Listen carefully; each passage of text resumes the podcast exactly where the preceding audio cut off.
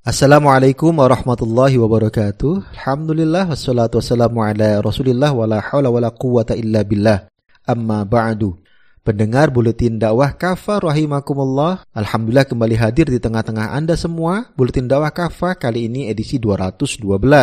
23 Safar 1443 Hijriah bertepatan 1 Oktober 2021 Masehi. Kali ini akan mengangkat tema mewaspadai bahaya komunisme.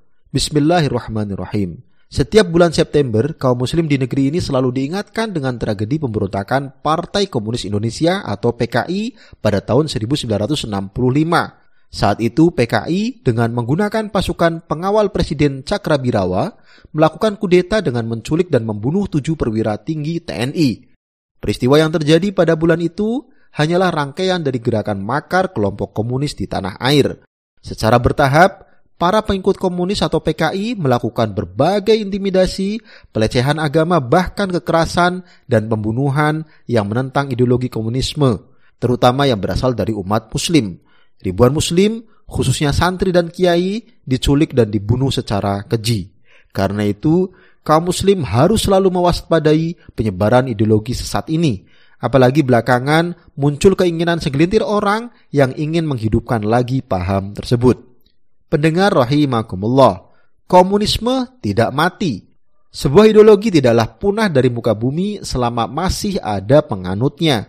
Begitu pula dengan komunisme. PKI memang telah dibubarkan dan dinyatakan sebagai partai terlarang. Komunisme sebagai ideologinya juga sudah dilarang.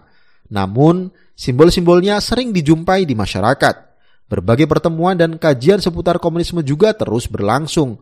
Malah ada seorang anggota DPR yang orang tuanya anggota PKI secara terbuka membuat buku berjudul Aku Bangga Jadi Anak PKI.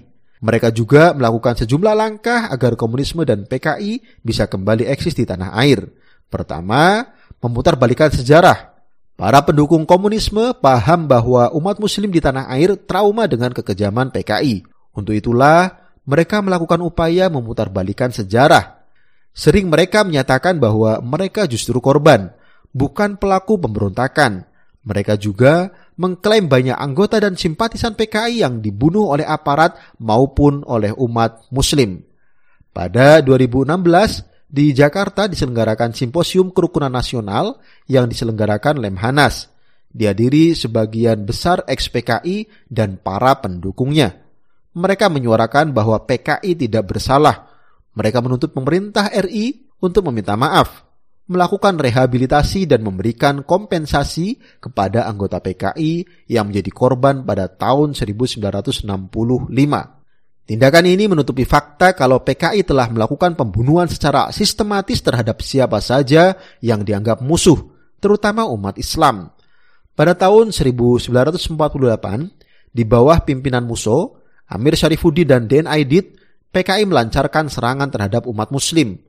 Pondok-pondok pesantren seperti pesantren Takeran dan Gontor diserang dan dirusak. Kitab Al-Quran dirobek atau diinjak. Kitab-kitab kuning juga turut dimusnahkan.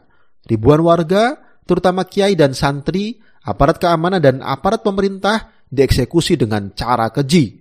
Jasad mereka dibuang ke berbagai tempat, termasuk ke dalam sumur-sumur dalam keadaan sudah dirusak.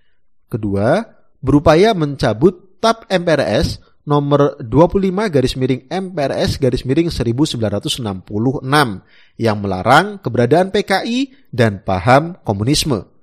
Berkali-kali sejumlah kalangan mendesak pencabutan tersebut dengan alasan rekonsiliasi nasional. Maka negara harus mengayomi semua pihak termasuk para penganut ideologi komunisme. Ketiga, menyerang Islam dan para ulama lurus. Sejak ideologi komunisme berdiri, permusuhan dan kebencian diarahkan pada Islam dan kaum muslim.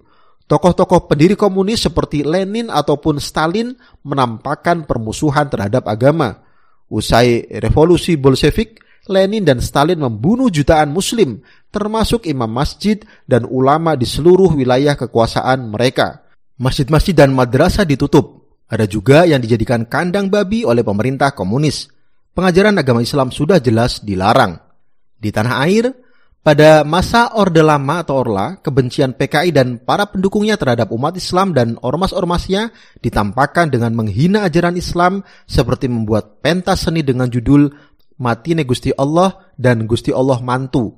Tokoh-tokoh PKI juga menghasut pemerintah Orla untuk membubarkan Partai Islam Masumi dan menangkapi tokoh-tokohnya. Sejumlah ulama dan tokoh Islam seperti Buya Hamka M. Nasir dan Kiai Haji Soleh Iskandar dipenjara tanpa pengadilan.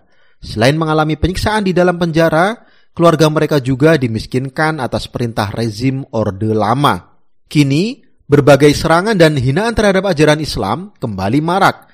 Penghinaan terhadap bendera Tauhid, cacian terhadap para santri penghafal Al-Quran, tuduhan terhadap Islam sebagai agama kearab-araban, sebutan kadrun atau kadal gurun, menentang penerapan syariah Islam, memusuhi hukum jihad dan kewajiban khilafah.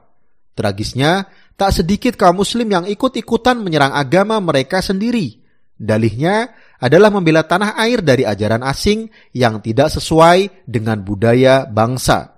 Kecemasan umat juga bertambah dengan berkali-kali terjadi serangan terhadap para mubalik dan ustadz di tanah air.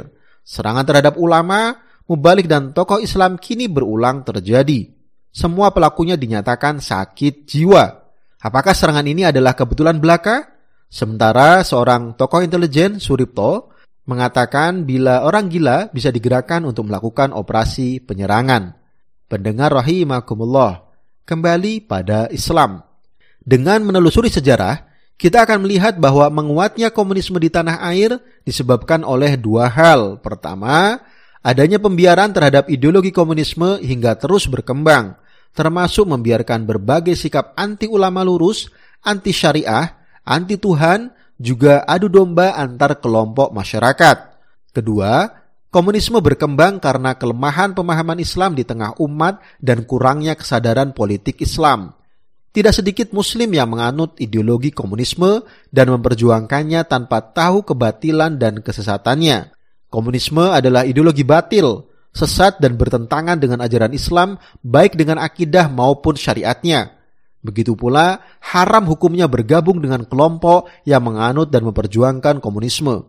Dasar dari paham komunisme adalah materialisme, yakni meyakini materi sebagai asal kehidupan dan menolak Allah sebagai Al-Khaliq. Bahkan komunisme mengajarkan kebencian pada agama dan pada umat beragama. Ideologi ini menghalalkan kekerasan untuk perubahan masyarakat, terutama menyerang dan membunuhi para ulama. Sementara itu, Islam adalah agama dan sistem kehidupan yang sempurna, mengatur seluruh aspek kehidupan. Seorang muslim juga wajib mengimani tidak ada agama, aturan dan ideologi yang diterima Allah kecuali Islam. Allah taala berfirman dalam Quran surat Ali Imran ayat 19. A'udzu billahi minasyaitonir rajim. Bismillahirrahmanirrahim. Inna dina 'indallahil Islam. Sungguh agama yang diterima dan diridhoi di sisi Allah hanyalah Islam. Imam Ibnu Kasir menerangkan, ayat ini merupakan kabar dari Allah Subhanahu bahwa tidak ada agama seseorang yang diterima di sisinya selain Islam. Ibnu Kasir dalam kitab Tafsir Al-Qur'anul Azim jilid 2 halaman 25. Dengan demikian, haram seorang muslim yang mengaku beriman, mengerjakan sholat dan saum, tetapi meyakini komunisme sebagai sistem kehidupannya atau aturan politik dan ekonominya. Sebab Allah SWT telah memerintahkan setiap muslim untuk mengamalkan seluruh syariah Islam secara totalitas. Allah SWT berfirman dalam Quran surat Al-Baqarah ayat 208, A'udzu billahi minasyaitonir rajim. Bismillahirrahmanirrahim. Ya ayyuhalladzina amanu dkhulu fis silmi kaffah wa la tattabi'u khutuwatis syaitan innahu lakum aduwwum mubin. Wahai orang-orang yang beriman, masuklah kalian ke dalam Islam secara keseluruhan dan janganlah kamu ikuti langkah-langkah setan. Sungguh setan itu musuh yang nyata bagi kalian. Demikian pula haram hukumnya bagi umat membela ideologi selain Islam seperti komunisme dan kapitalisme, haram pula menyebarkannya, memfasilitasi ide-ide mereka, apalagi ikut-ikutan memusuhi agama Islam. Allah SWT mengingatkan dalam Quran Surat Al-Mujadilah ayat 22, A'udzu billahi rajim. Bismillahirrahmanirrahim. La tajidu qauman yu'minuna billahi wal yaumil akhir yuadduna man hadallaha wa rasulahu walau kanu aba'ahum au abna'ahum au ikhwanahum au ashiratahum. Kamu tak akan mendapati kaum yang beriman kepada Allah dan hari akhirat saling berkasih sayang dengan orang-orang yang menentang Allah dan Rasulnya, sekalipun orang-orang itu bapak-bapak atau anak-anak atau saudara-saudara ataupun keluarga mereka. Selain komunisme, sesungguhnya umat juga sedang terancam oleh ideologi kapitalisme yang sudah mencengkeram negeri ini. Kapitalisme liberalisme melalui para pengusungnya menyebabkan berbagai kekayaan alam dikuasai asing. Negeri ini juga dijajah lewat utang luar negeri. Pada saat yang sama, kehidupan sosial umat dihancurkan dengan budaya liberalisme semisal perzinaan dan LGBT dan lain-lain. Wahai kaum muslim, sadarlah bahwa berbagai keburukan yang menimpa umat pada hari ini disebabkan umat telah menjauh dari Islam, merasa cukup dengan ibadah dan akhlak semata, tapi enggan berislam secara kafah. Inilah pangkal kerusakan umat yang sebenarnya. Padahal Allah berfirman dalam Quran surat Al-An'am ayat 153, A'udzu billahi minasyaitonir rajim. Bismillahirrahmanirrahim. Wa anna hadza sirati mustaqiman fattabi'uhu wala tattabi'us subula fatafarraqu bikum an سبيله zalikum wasaqum bihi la'allakum tattaqun dan sungguh inilah jalanku yang lurus maka ikutilah. Jangan kamu ikuti jalan-jalan yang lain yang akan mencerai beraikan kamu dari jalannya. Demikianlah dia memerintahkan kepadamu agar kamu bertakwa.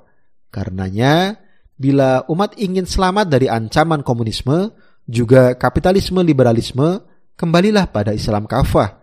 Islam harus kembali diterapkan dan dijadikan sistem kehidupan. Hanya Islamlah satu-satunya sistem kehidupan yang mulia dan diterima Allah Subhanahu wa taala. Wallahu alam bisawab. Demikian materi buletin dakwah kafah edisi 212 mewaspadai bahaya komunisme. Terima kasih. Wassalamualaikum warahmatullahi wabarakatuh.